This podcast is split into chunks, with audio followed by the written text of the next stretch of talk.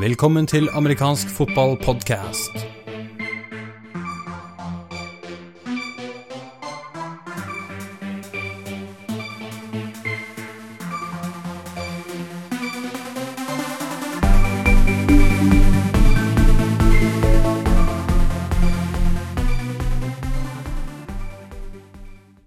Velkommen til episode to av amerikansk fotball sin podkast.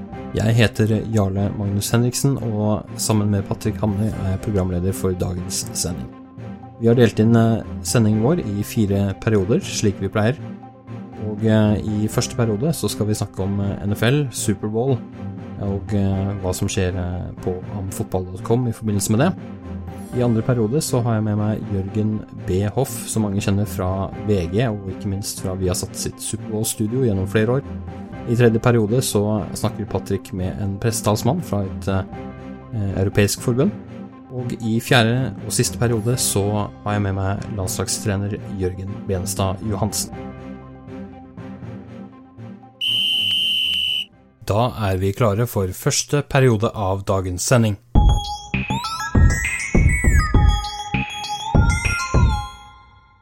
Jeg sitter her sammen med Patrick Hamnøy, og Patrick, du var gjest forrige gang. Nå er du faktisk oppgradert til medprogramleder.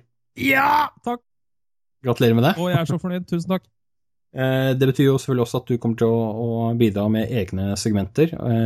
Faktisk så tidlig som i tredje kvartal, tredje periode av denne sendingen, hvor du snakker med Martin Sødeberg fra ja, Svenskeforbundet? Det er korrekt. Jeg har uh, tatt en liten samtale med Martin Sødeberg og spurt litt om de endringene som har blitt i det svenske serieoppsettet, og jeg syns vi hadde en veldig interessant samtale, så den er det bare å se, lytte til. Beklager. Ja. Eh, nå skal vi snakke om noe helt annet, eh, og noe som langt flere følger med på, det må vi være ærlige og si. Og det er NFL og Superbowl. Eh, for det, vi er kommet inn i Superbowl-uka, og ikke bare det, vi har to dager igjen til selve Superbowl. Yes! Ja, du gleder deg? Jeg gleder meg, som en liten unge. Hvor skal du se Superbowl? Jeg skal se det hos uh, en i trenerteamet i Lillestrøm Starfighters, som jeg er en del av. Uh, nå er det sånn at uh, Før Superbowl så er det tilfeldigvis sånn at media også skriver mye om det. Og vi har lagt oss på samme linjen. Vi har skrevet masse artikler denne uka om Superbowl. Og kommer til å skrive flere, sånn at blant annet på søndag, som er dagen for Superbowl, så kommer det en haug med saker fra oss. Jeg skal også nevne at vi har en sak som heter Superbowl oversikt 2016, som inneholder alt vi publiserer, sånn at man kan enkelt gå inn på den saken og følge med på alt som ligger når det gjelder Superbowl. Det er en enkel oversikt å få med seg. Har du fått med deg noen av de sakene vi har skrevet så langt, Patrick? Det har jeg. Det har vært, har vært ganske mye. Jeg har prøvd å få med alt som har, som har kommet ut. Det er veldig, veldig, veldig mye bra. Vi har bl.a. skrevet noen spilleprofiler, og Eivind Sommerseth har skrevet noen veldig omfattende lagprofiler. Og om Broncos da selvfølgelig, og Carolina Panthers, og der kan man gå inn og lese hvis man vil ha litt mer substans, litt historikk på de lagene. vil jeg absolutt anbefale å få med det. Da, da får man historien fra start og nå til, ja, jeg vil ikke kalle det slutt, men til nå i hvert fall. Mm. I tillegg på onsdag så la vi ut en sak om, om lagene som de er nå, sammenlignet posisjon for posisjon, Carolina Panthers mot Denver Broncos. Og den saken, skrevet av Jesper Hagen, den skal vi kikke litt ekstra på, Patrick. Mm. Jeg tenkte vi kunne begynne med den første posisjonen, og det er kanskje ikke så unaturlig quarterback. Ja. Der har Jesper rangert at Peyton Manning og Broncos de har åtte av ti på hans rangering. Og så har Carolina Panthers og Cam Newton 9 av 10. Hva tenker du om det? Dette er det jeg syns er det absolutt mest utfordrende når du skal sammenligne disse to lagene, er å sammenligne cornerbackene, for de er så totalt ulike fra hverandre som det går an å komme, etter min mening. Ja, da snakker vi om en som er i rullator, og en som løper 60-meteren hver gang han er på banen. Ja, eller i hvert fall trusselen om at han kan løpe en 60-meter hver gang han får ballen. Det er vel egentlig store forskjellen. Jeg tror ingen skremmes av uh, Pate Manning som uh, skal løpe med ball. Han forsøkte seg med å løpe med ballen her mot uh, Patriots i Conference Finals. da. Vi, vi, tror, eller vi, vi, har vel konkludert på at han prøvde å løpe med ballen, har vi ikke det? Det var et godt joggeforsøk. det, og det, gikk, det, lyktes jo. Det var, poenget var at det var et overraskende moment, fordi det skjer så sjelden. Så det var bra. Og, og, Manning har sett habil ut. Ikke fantastisk, men han har sett habil og, og god nok ut i sluttspillet. Han hadde jo en, en heller laber sesong, det han fikk med seg av den. Eh, det er ikke Peyton Manning sånn han var for eh, fem eller ti år siden, det er vi skjønt enige om alle sammen. Ja. Eh, akkurat det med quarterback har generert en del diskusjon, velfortjent egentlig. Ja, ja. rundt liksom åtte av ti på Peyton Manning sånn som han er nå. Hva, hva tenker du om det? Altså, jeg det er, så, det er, så, vanskelig å tenke på den uten å tenke tilbake på Peyton som du husker den fra mange år tilbake. Det er nesten litt vanskelig for å akseptere at han er blitt så gammel som det han er blitt, og i hvert fall at det synes så godt som det han er. Men hans store styrke har jo alltid vært blikket for spillet. Eh, det å kunne lese en defense og gjøre tilpasninger til defense. Og det, det klarer han jo fremdeles. Problemet er at armen henger ikke med på samme måte som det han har gjort før. Så jeg tror nok han vil, og han vil, men han får det ikke til. Ja, og det skal bli veldig spennende å se i Superbowl, eh, hvor han møter et eh, Carolina Panthers som er fryktelig flinke på å ta ballen på interceptions og fumble recoveries. Oh yes. Så får vi se om det holder. Jeg er i hvert fall litt bekymret for at det kanskje kan implodere Eh, nå. Eh, når vi, vi, har denne kampen med to svært gode forsvarslag. Jeg vet ikke hva du tenker om eh, forsvarene. Kanskje du vil fortelle oss litt hva, hva, du ser der? For du har jo spilt en del forsvar selv. ja, det har jeg. Skal ikke, ikke, ikke det nivået, jeg skal være med på det. det nei, ja, det er nesten da, Svensk førstedivisjon. Det er ikke så gærent, ser du. Um, nei, det, det, det, er jo her spenningsmomentet ligger. Uh, Denver har jo defensivt vært uh, blant de desidert beste lagene i ligaen. Uh, jeg syns jeg har sett en stat at de dominerte omtrent like mye på rushing defense som passing defense, men det husker du kanskje hakket bedre enn meg, eller Magnus? De har i hvert fall vært i toppen i mange statistikker, uh, og er utvilsomt et forsvar med bl.a. Von Miller, som er i svært god form. Meget. Så det skal bli spennende å se dem. Du, hvis vi tenker på de mot Cam Newton, hva tenker du der? Jeg tenker at dette her har ikke Broncos møtt i hele år.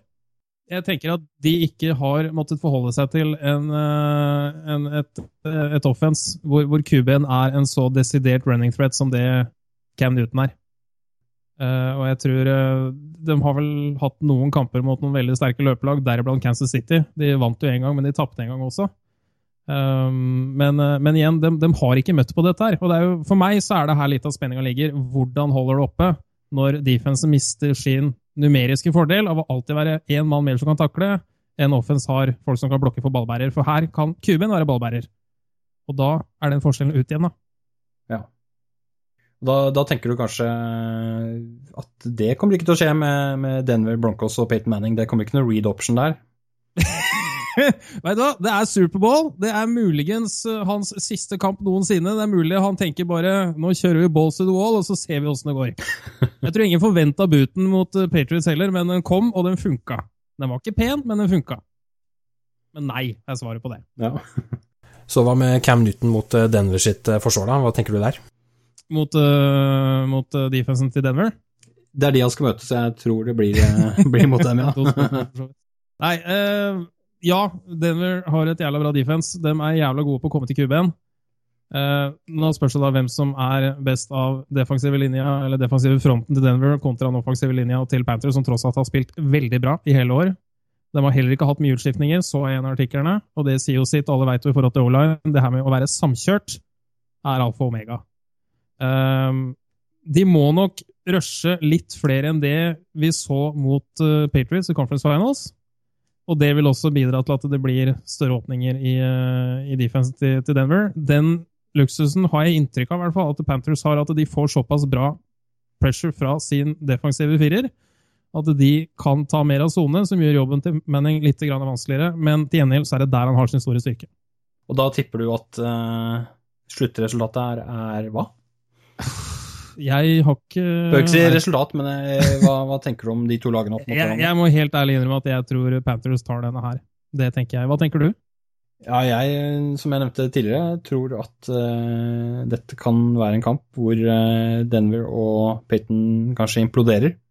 Uh, litt på lik linje med det de gjorde sist gang de var i Superbowl. om de får akkurat samme starten, det tviler jeg på. Men da sikter jeg til Seattle Seahawks når de møtte dem.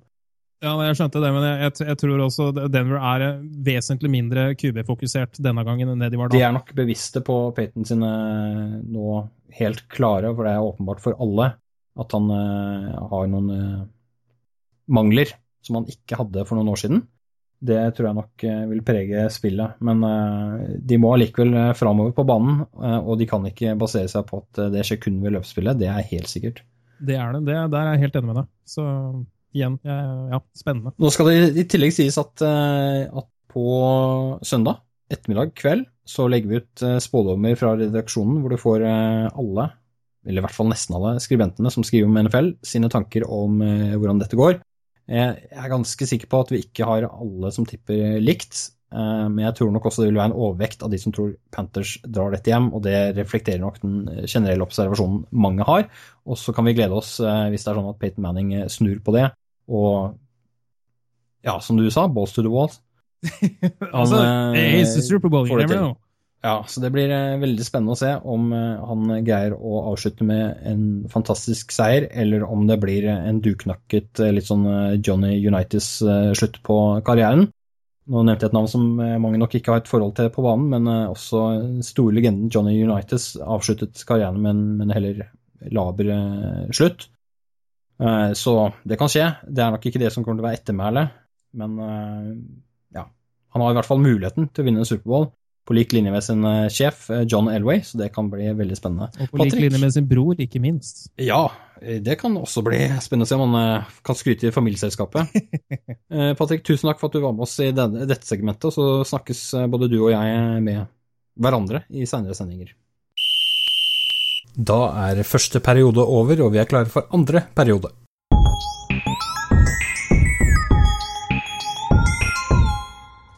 Jeg sitter her med Jørgen B. Hoff. Eh, Jørgen, velkommen til oss eh, først. Tusen takk for det.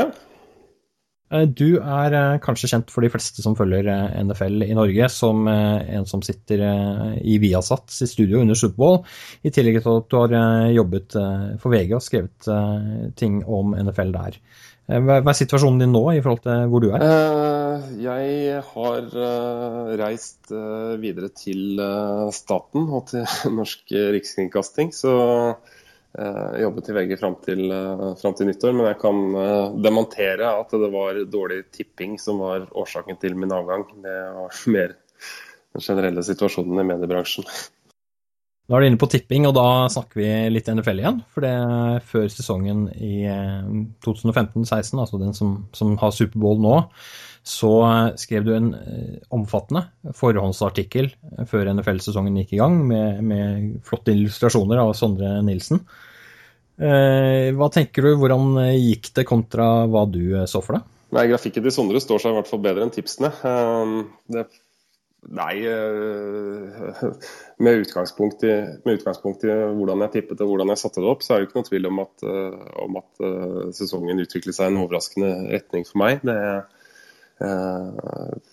jeg skal ikke si at jeg avskiltet de to lagene som nå er i Superbowl, men, men jeg hadde ikke spesielt stor tro på at verken Carolina Panthers eller Denver Broncos skulle gjøre seg veldig gjeldende i årets sesong. Så, så vi kan jo kanskje begynne der. Mm.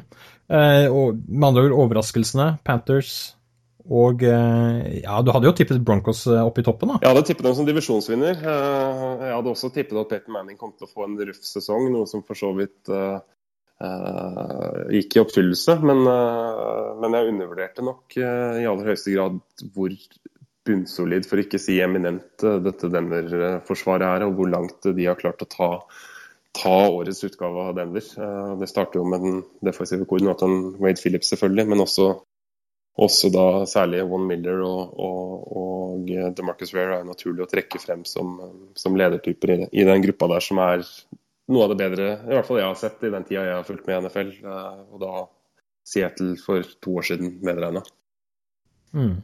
Så da vil du trekke fram Broncos sitt forsvar, som mange andre, eh, mens, mens angrepet er litt sånn ja, det er med på lasset? Er er det der vi er? Ja, det er i hvert fall ikke quarterbacken som har eller godt quarterback-spill som, som, har tatt dem tilbake til Superbowl to år etter at de var der forrige gang. Eh, altså, de har jo de har jo potensial og fart på running back-plass med, med, Anderson og Hillman som, uh, som, er helt avgjørende at de skal få til å funke, funke i Superbowl. Og de har jo fortsatt uh, receivere som Emmanuel Sanders og DeMarius Thomas som riktignok har slakket ganske kraftig av, føler jeg, etter at han ble belønnet med en ny kontrakt i fjor sommer. Så, og Tight endene er jo ikke den samme faktoren. Selv om Owen Daniels var sentral nå sist, så, så har ikke Vernon Davis eh, vist seg spesielt mye fram siden han ble tredje fra 49ers. Så, så, det er et lite sånn Julius Thomas-formet hull i, i pasningsspillet også. Eh, og hvis vi snakker om Carolina Panthers, så eh, hadde du eh, ikke helt sett for deg hvor de skulle ende opp? Nei, altså Panthers vant jo NFC South med flere tap enn en seire forrige sesong. Og tingenes tilstand i, i NFC South virka jo å være like begredelig sånn på papiret, i hvert fall før sesongen starta. Og det var ikke noen grunn til å bli spesielt mye mer optimistisk da Kelvin Benjamin som hadde en strålende debutsesong eh, i fjor. Forsvant allerede under training camp men, eh, på injured reserve. Så jeg klarte ikke helt å se for meg hvem Cam Newton skulle trekke veksler på i, i pasningsspillet. Altså, han har jo Greg Olsen uh, har jo vært en sånn pålitelig uh, sikkerhetsteppe for han i, uh, gjennom hele tida hans i, i, i, Panthers, men han har jo da tatt uh, store steg i år. Det er vel bare Gronk som vel har flere receiving yards enn det han har klart å, å skrape sammen gjennom, uh, gjennom, sesongen. Og I tillegg så har jo Ted Ginn våknet fra de døde. Du har Devon Funches som uh, som har levert bedre og bedre utover i sin debutsesong.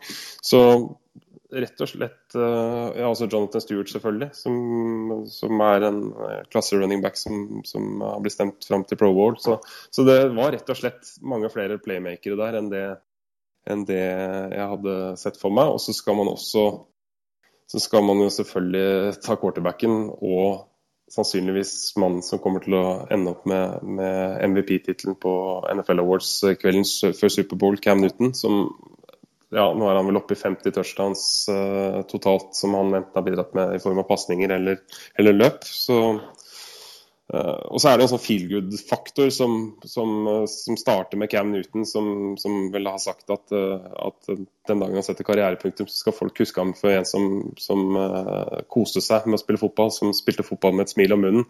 Og Det er på en måte en innstilling som jeg føler har forplantet seg utover, og som, som kjennetegner hele gjengen. Du ser jo disse si hva du vil. altså Det bryter kanskje litt med, med de konservative verdiene innenfor fotballen sånn i forhold til at man ikke skal smøre det inn hos motstanderen osv. Men det er jo disse gruppeselfiene uh, etter store seire. Det er jo, det jo touchdown-dansene, det, uh, det, er klemming og hopping på sidelinja. Så, så altså, det er rett og slett uh, altså De har både playmakere og de har, og de har et kruttsterkt kollektiv. og Det er derfor de i min bok er soleklare favoritter også foran det som skal skje i Santa Clara eh, søndag. Så når eh, han møter Van Miller og kompani hos Denver Broncos, så tenker du at han fremdeles har et smil rundt munnen når denne kampen er ferdig? Er det forhåndstipset ditt? Uh, ja, jeg tror i hvert fall Det er ikke sikkert han kommer til å smile hele veien underveis. Men uh, i motsetning til Tom Brady, som hadde et aldri så lite mareritt uh, i championship-kampen, så har jo han en, en, meget solid offensiv linje foran seg som, som gir ham bra med beskyttelse. Så, um, så, jeg tror nok han definitivt får lyst til en Patriots som, som gikk til Denver med, med, med et favorittstempel. Men, men det er klart Denver sto, sto, løpet gjennom grunnserien. De har jo vært involvert i tette kamper hele veien. og Det kan jo hende at de klarer å holde det tett uh, denne gangen også. Og, og, og, Panthers er jo et lag som, som, vel har vært eksplodert ut av startblokken i kampene, men kanskje dabbet litt av utover. Så, så hvis man klarer å holde det jevnt tidlig, så, så, kan det hende at det blir mer spennende enn en det det ser ut som nå, da. Mm. Den kampen, eh, Superbowl, den eh, er det mange av oss som kommer til å se på TV. Du kommer til å se den eh, hva skal jeg si for noe, i TV. Du sitter jo da i Viasat sitt eh, studio. Ja. Kan du fortelle litt om eh, din rolle der, og hva som, som, kommer til å foregå? Ja, det blir vel mer eller mindre samme oppskrift som forrige sesong, med det samme studiepanelet. Hvis Daniel Høglund ikke skriker seg hes, eller det som verre er i de to kampene som gjenstår i håndball-EM, hvor han for øvrig har gjort en utmerket jobb, så kommer han til å sitte i programlederstolen etter noen dagers velfortjent uh, pause. Uh, I tillegg så flyr vi gamle quarterback, NFL-quarterbacken Tony Banks over igjen fra USA. Han er vel en, som en god gammeldags norgesvenn å regne nå. Dette er vel tredje eller fjerde besøket hans. Han var jo også på NRK da de hadde Superbowl. I tillegg så er det jo da Arnstein Frilling, Viasat-kommentator, og meg, da. Og Tony er jo da selvfølgelig det faglige alibiet. Han er jo den som har spilt og den som tar seg av analysebiten. Uh, Arnstein uh, har jo fulgt med i en mannsalder og bodd i USA og, og kjenner kulturen veldig godt og historikken. Mens jeg kanskje ser på det med det litt mer sånn utrente øynene, men at jeg til gjengjeld har den journalistiske dimensjonen ved det. da, At jeg er vel kanskje den som Eller jeg følger, følger jo sporten tett sånn i det daglige. Ja, og du har fulgt med i mange år, egentlig, når du tenker over det òg? Ja, det begynner å bli en del. Ble jo, ble jo lurt inn via populærkulturen, både gjennom, gjennom film og, og, og, spilling av, av Madden, som, som, ga en sånn god grunnforståelse og nysgjerrighet på hva dette var for noe. Og så, så ville tilfeldighetene sånn at jeg så min første Superbowl da uh, Patriots slo uh, The Greatest Show on Turf, uh, St. Louis Rams, i 2001-sesongen med en ung og undervurdert og like sulten eh, Tom Brady, som eh, ledet Patriots til seier i den finalen mot alle odds. Eh, og ja, siden har det egentlig ballet på seg. Det er det jeg syns er så uh, morsomt med amerikansk fotball også, som jeg gjerne bruker som sånn innsalgsargument uh, til folk jeg møter som ikke er så interessert. og Det er jo det at, at inngangsterskelen for å forstå det altså inngangsterskelen til sporten er jo veldig lav. Det er jo, det er veldig fort gjort å sette seg inn i det grunnleggende, og så lærer man noe hele veien ved å, ved å, se på kamper og lytte til, lytte til kommentatorer og lese seg på nett. Så, så, så, det er på en måte en sånn stadig utvikling da, i å følge sporten. Mm. Og på søndag, som er altså søndag 7. februar, så kan vi skru på Viasat 4 klokken 22.30, for da begynner sendingen. Og da er det du som sitter der sammen med altså Tony Banks, Arnstein Friling og Daniel Høglund. Eh, så det gleder vi oss til. Eh, Jørgen, tusen takk for at eh, du var med oss. Og så høres vi nok snart igjen, for du blir nok litt involvert hos oss også underveis, tenker jeg. Det håper jeg at vi skal kunne få til. Andre periode er over, vi er klare for tredje periode.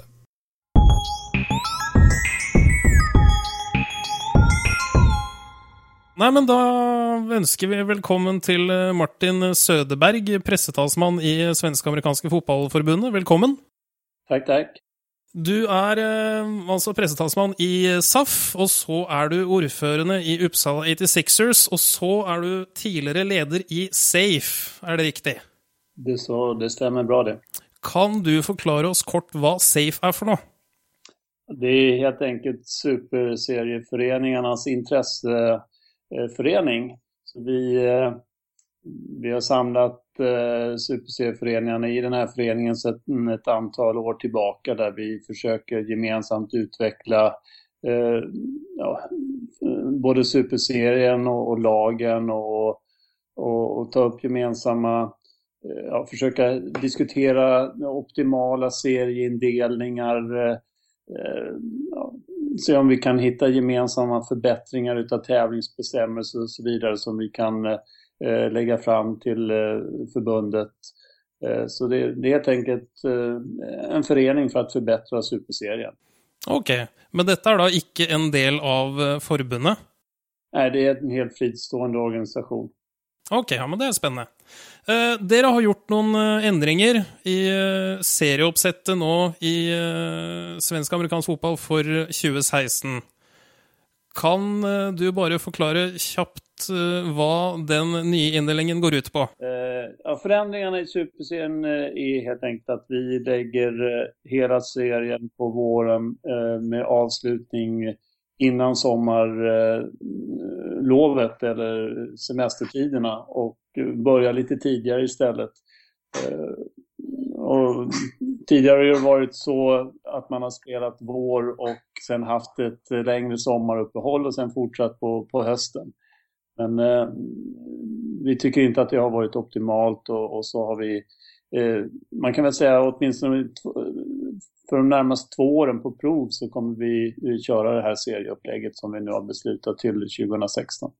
Ok, så det er en midlertidig endring, dette her, for 2016 og for 2017?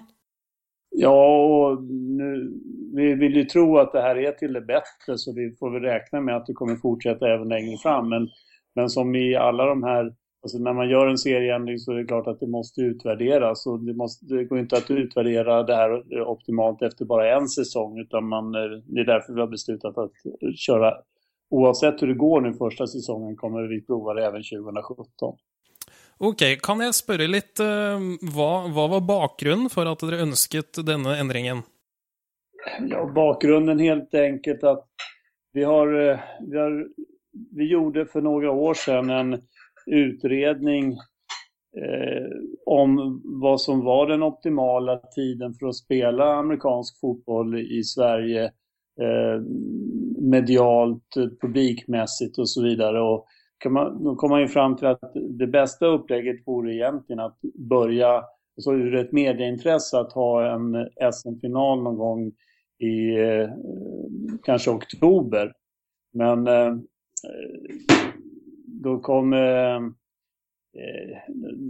då, ja, det, media tyckte att det var bäst då, för då hade vi precis haft en SM-final i juli och väl upplevt att det var väldigt svårt att attrahera media på, på ett eh, perfekt sätt eh, mitt i sommaren.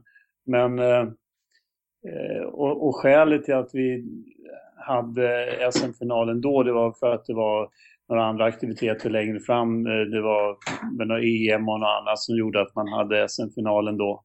Men eh, vi, vi, vi har inte riktigt varit nöjda eh, med upplägget. Media förordade oktober, men då, kom, då började argumenten listas över vad som är bäst och vi kom fram till att vi kan inte gärna ha en final i oktober med en säsongstart i augusti för att eh, då måste vi börja träna mitt i sommaren och då är det väldigt svårt att, eh, eh att få spelare att, eh, att träna. Så att, eh, ja, jag, jag, kan bara lista, om du vill så kan jag lista de olika argument som vi har diskuterat för att komma fram till den här slutliga lösningen som vi har nu.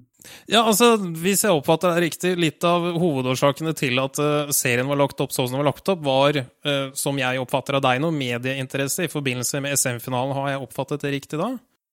Ja, det, vi trodde nog att det var bra att ha finalen på hösten uh, ur ett medieperspektiv.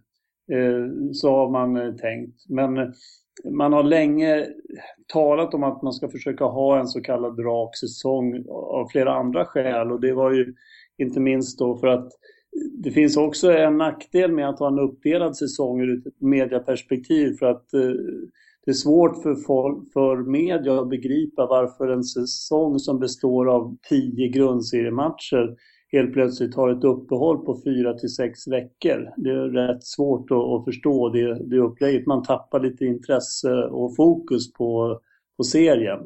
Mm. Eh, och, eh, så att eh, så efter mycket om och men kom man fram till att om vi ska ha en, en rak serie, skapa en, en hype kring superserien under en tid då många så att man verkligen får upp intresset för fotbollen och folk kan hänga med på ett bra sätt så måste serien hänga ihop och då måste vi lägga den på en period eh, som, som är, är, så att säga minst dålig. Eh, och minst dålig kom vi då efter mycket om men fram till att det blir på våren därför att eh, vi vi kan med, ja nu blir det då 10, 12 till 14 veckor tar ju våran, våran säsong men då, då, får vi, då får vi en intensiv säsong. Vi kan träna bra, spelarna kan utvecklas under säsongen. Vi får inte ett, ett uppehåll över sommaren där, to, där spelarna tappar i, i fokus, kanske tappar träning, tappar eh, intensitet vi har märkt att matcherna som börjar direkt efter säsongsuppehållet, de är, man märker en trötthet hos spelarna. Man skulle kunna tro att man använder tiden för att, eh, för att kanske återhämta sig, men i själva verket blir den här återhämtningen ett steg tillbaka i, i kvalitet. Eh, så att vi... Eh, det kändes... Och nu får vi en final mitt i, i sommaren och då då har vi väl ändå konstaterat att lägger vi det bara på en, en bra tid så tror vi nog att vi ska kunna få media att uppmärksamma finalen i alla fall. Och sen är det, är det så att vi får till en bra serie, skapar ett bra intresse runt matchen så kanske det inte spelar så stor roll att den ligger i en tid då, då folk har mycket annat för sig, som exempelvis semestrar. Men, men, har man kanskje sett for seg at ved å da legge SM-finalen uh, midt på sommeren, som du sier, at man kanskje ikke konkurrerer like mye med andre idretter på akkurat den tiden? Har det vært en del av diskusjonen?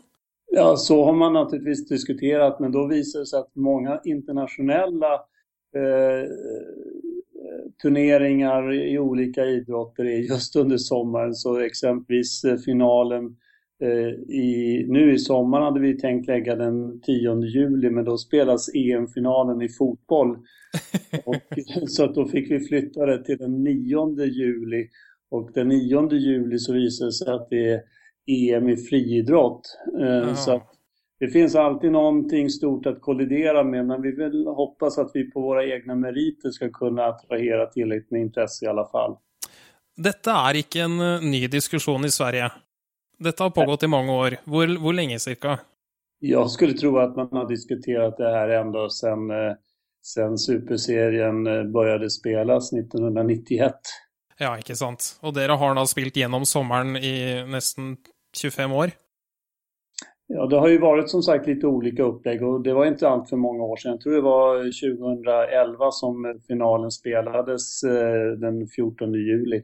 Ja. Hvor, hvorfor kommer uh, forandringen nå? Ja, mye beror på at man eh, förra året ble optimalt dårlig, altså 2015. Da hadde vi et uppehåll på eh, sex veckor och eh, att då ha en massa importer, utländska importer och betala löner under sex veckor när de inte gör någonting. Mm. Eh, det kändes som att vi, vi vi eldade för kråkorna. Vi, vi, det var väldigt mycket pengar som gick ut från amerikansk fotboll som borde ha kunnat användas på ett bättre sätt. Och det kändes helt enkelt på att nu blev det så himla fel 2015 så vi måste göra någonting inför 2016. Och eh, då, eh, då föreslog vi den här lösningen till förbundet eh, under under høsten, og så kom vi fram til at vi prøver så her nå i, i to år i alle fall. Ja, og Det her kan du jo svare på hvis du, hvis du, ønsker, men eh, på vår side av grensen så har vi spekulert i at eh, det har hjulpet på saken med at det har vært en endring i forbundsledelsen. Er det noe du vil kommentere? Eh,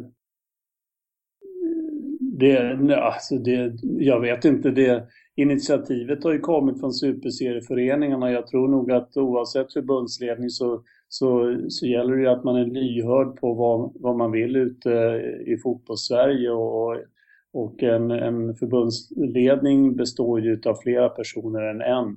Mm. Så att, eh, jag tror att med, med, rätt argument och rätt argumenterat så hade det här nog eh, gällt oavsett vilka som hade suttit med i förbundsstyrelsen. Ok.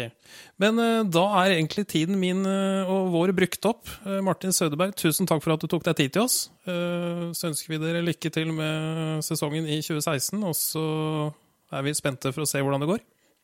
Takk så hemskt mye. Det var kult å få utbytte litt synpunkter. takk for det. Tredje periode er over. Vi er klare for fjerde og siste periode.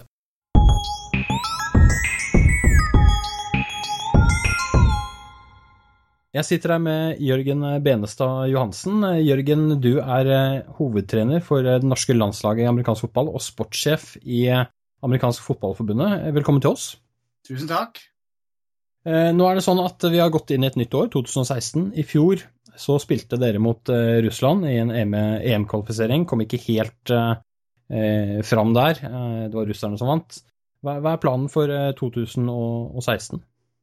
2016 for uh, herrelandslaget er et sånn et såkalt ikke-kvalifiseringsår, eller ikke-mesterskapsår. Men et år hvor vi sier allikevel at vi ønsker å opprettholde aktivitet uh, med landslaget. Så vi um, peiler oss inn mot én stykke vennskaps, internasjonal vennskapskamp. Um, og den ser det på langt vei ut skal bli i Polen mot Polen i slutten av august eller begynnelsen av september. Ikke alle detaljene er på plass der, men, eh, men det er i siste, siste, forhandlinger. Og i forbindelse med at vi da er i et litt, mm, litt roligere år, så, så kjører, forsøker vi ikke å tyne ut mange helger og samlinger. Vi, vi kjører en tryout og samling i ett nå tidlig på året. Og så bruker vi den kombinert med eh, spillernes eh, kvalitet og resultat gjennom fotballsesongen med å velge ut et lag til samling og kamp i eh, august-september. Riktig. Nå er det sånn at jeg har fått med at dere har en, eh, et landslagsuttak da, i, i Valhall, altså dvs. Si i Oslo, 19. til 21. februar. Hvor viktig er den for satsingen i 2016? Den er veldig viktig, for du, du, vi, vi, bruker den som en, som en, slags eh, Hva skal vi si? En slags kvalifisering. Altså, vi, vi, vi må vite hvem vi har med. Eh, landslaget er, Vi har vært gjennom kvalifisering, så nå er det ingen som har noen form for fripass eller fribillett eller noe garantert. Vi vil ha eh, sultne folk til å komme, og vi vil ha alle de som var med i fjor, til å returnere og forsvare plassene sine. Eh, så Derfor er den viktig for uttaket. Den er også viktig for å se nye eh, spillere. Eh, unge rekrutter som kanskje ikke nødvendigvis blir valgt ut til landslaget nå i år, men som havner på vår radar og vår rekruttgruppe. Så den, den, er veldig viktig, og den er en vesentlighet, eller den, den er en nødvendighet for måten vi nå uh, organiserer vårt landslagsår. Mm. Eh, dette er et uttak. Eh, det er åpent for spillere som er født 1999 og eldre. Hva er det de kan vente seg? Hva er det som foregår på et sånt uttak? Vel, vi har tidligere på enkeltdager kjørt en del sånne tester med løp og, og hopp og, og, vektløfting og, og sånne ting. Eh, men vi har sett i den senere perioden med landslaget at eh, vi ønsker nok mer å se spilleren direkte inn i en camp-sammenheng, sammen med spillere som allerede kjenner eh, på en måte temperaturen og tempoet i landslaget. Så, så vi, vi, vi, legger dette opp som en camp, eh, som en samling hvor vi, hvor, hvor vi, trener individuals, vi trener eh, syv mot syv, vi trener inside run, vi trener team, vi trener scrimmage, vi trener, vi installerer mot luft. Og, så vi gjør alle elementene i en fotballcamp. Og så har vi på en måte noe mer fokus på det individuelle, noe mer fokus på å se spillerne individuelt og måle de, og bruker mye tid som coacher på å se hvem er det egentlig som rangerer i de forskjellige posisjonsgruppene. Så vi kaster det egentlig rett inn, uten at vi gjør det veldig komplisert, men, men nok til at de, de, må virkelig virkelig være på hugget og konsentrere seg om om å følge med. Og, og, og, ta til seg installasjonen eh, på, på on the fly, altså. Eh, hvor god må man, må man, være for å bli med på noe sånt? Er det Kan hvem som helst dukke opp, eller bør man i hvert fall ha spilt før? Bør man være kjempeerfaren, ha spilt i USA, eller hvordan er det? Man må ha spilt fotball før. Eh, man må ha sitt eget utstyr, man må ha løst lisens, man må være en aktiv spiller i en klubb fra før, eh, og man må kunne tåle at vi skal ha fem treninger på en helg. Nå er det ikke sånn at vi kjører et blodkjør i fem ganger to timer på en helg. Og vi kommer helt sikkert ikke til å ha fullt utstyr på oss på alle treningene. Og slettes ikke mye full kontakt i det hele tatt. Men du blir ganske sår i beina, så du, du bør ha en forutsetning for å tåle treninga. Hvis ikke så ender man opp med mange sånne dumme strekker og, og, og små ting, småskader, fordi man blir så sliten at man ikke kan uh, opprettholde teknikken. Så, så, det er de viktigste forutsetningene. Men utover det så, så, så ønsker ikke vi å og si at nei, du, du, er ikke, du, er ikke, erfaren nok, du har ikke spilt lenge nok, sånn type ting som det. Men, uh, men, men, det er klart at vi, vi, ser et, vi, ser jo alltid etter de beste atletene. Og vi finner også noen uslepne diamanter som vi sier at kanskje neste år, eller året etterpå. Så de er også, vi vil også se de. Vi vil gjerne ha de. Så hvis du har ambisjoner og vet du vil jobbe med amerikansk fotball i noen år fremover, så, så, så, syns jeg du skal på landslagscamp. Ja, Så er man usikker om man skal delta eller ikke, så er det bedre å prøve seg enn å ikke prøve seg. Det er mye bedre det, og, og, og du kan si at jeg er klar over at landslag er en, en ting som, som, må inkludere egenandeler. Det har å gjøre med at eh, forbundet kan ikke bare spy ut penger eh, på, på, dette. Vi må dele på kostnaden mellom spillerne og forbundet. Eh, og Derfor så koster det litt penger, og, og jeg tror på en måte eh, det, det, det, som ikke er så smart å gjøre, det er å, å begynne å kalkulere. F.eks. kalkulere at nei, jeg tror det er en to-tre stykken foran meg på lista, så jeg velger å ikke komme fordi det kan være jeg ikke blir med, eller det er litt, ikke så stor sannsynlighet for at jeg blir tatt ut på den posisjonen. Eh, jeg mener at du får veldig mye av å komme nær på, fordi det da er en reell mulighet neste gang. Og Samtidig så har vi utallige eksempler på de siste to årene at folk er flytta oppover flere hark på sin posisjon og har kommet helt inn i landslaget fordi det er skader, fordi folk gir seg med fotball, fordi andre ting skjer, og de kan ikke delta den og den campen eller den, den og den eh, eh, kamparrangementet. Så, så, så, her er det veldig, veldig dumt å sitte på gjerdet. Mm. Og det ligger sikkert en læringseffekt også i det å være med, og ikke minst en eh, sosial effekt med at man blir kjent med folk i miljøet. Ja, den læringseffekten er helt essensiell. Vi syns ikke vi kan drive med landslag hvis ikke det utvikler spilleren. Uh, og det, det, er jo én ting at du gir de fem ganger to timer, som er omtrent som nesten ja, tre uker eller en måned hjemme i klubben i trening. Og så gir du det med én posisjonstrener på hver eneste posisjon, med kanskje de beste, blant de beste trenerne i Norge, hvis ikke de beste. Og, og, og, og de får en helt annen fokus og et helt annet tempo enn mange klubber klarer å opprettholde, fordi de gjerne ikke har like mange trenere. Og, og da blir effekt for egenutviklinga også veldig, veldig stor. Det er altså 19. til 21. februar. Der er det sånn at eh, påmeldingsfristen det er i morgen, eh, lørdag 6. Eh, februar. Hva tenker du, Jørgen? Blir dette bra? Ja, det blir bra, men, men foreløpig så har vi litt uh, få påmeldte.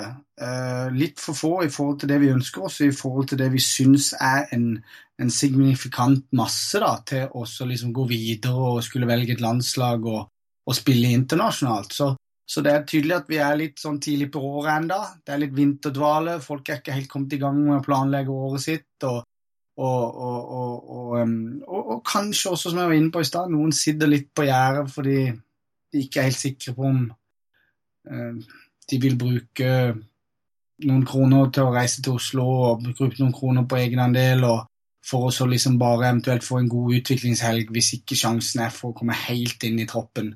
Og, og det, eh, det, det, må jeg ha respekt for. Samtidig så, så, så, vet jeg hva vi gir, og at det er verdt det uansett.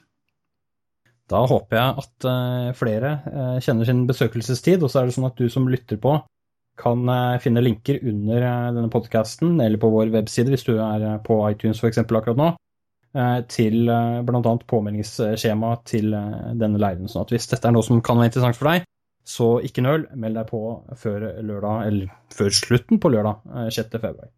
Eh, Jørgen, helt avslutningsvis, det er eh, Superbowl på søndag. Carolina Panthers mot Denver Broncos. Har du noen tips?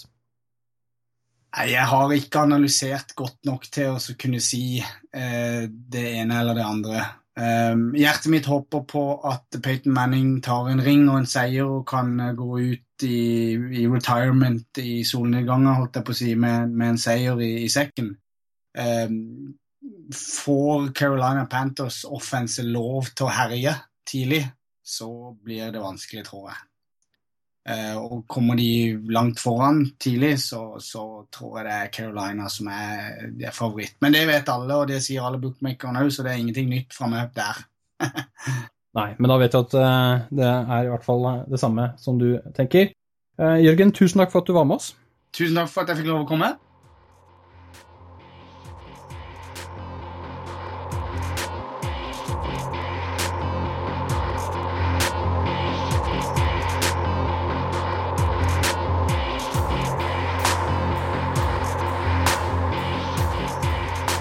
Amerikansk fotballpodkast er over for i dag.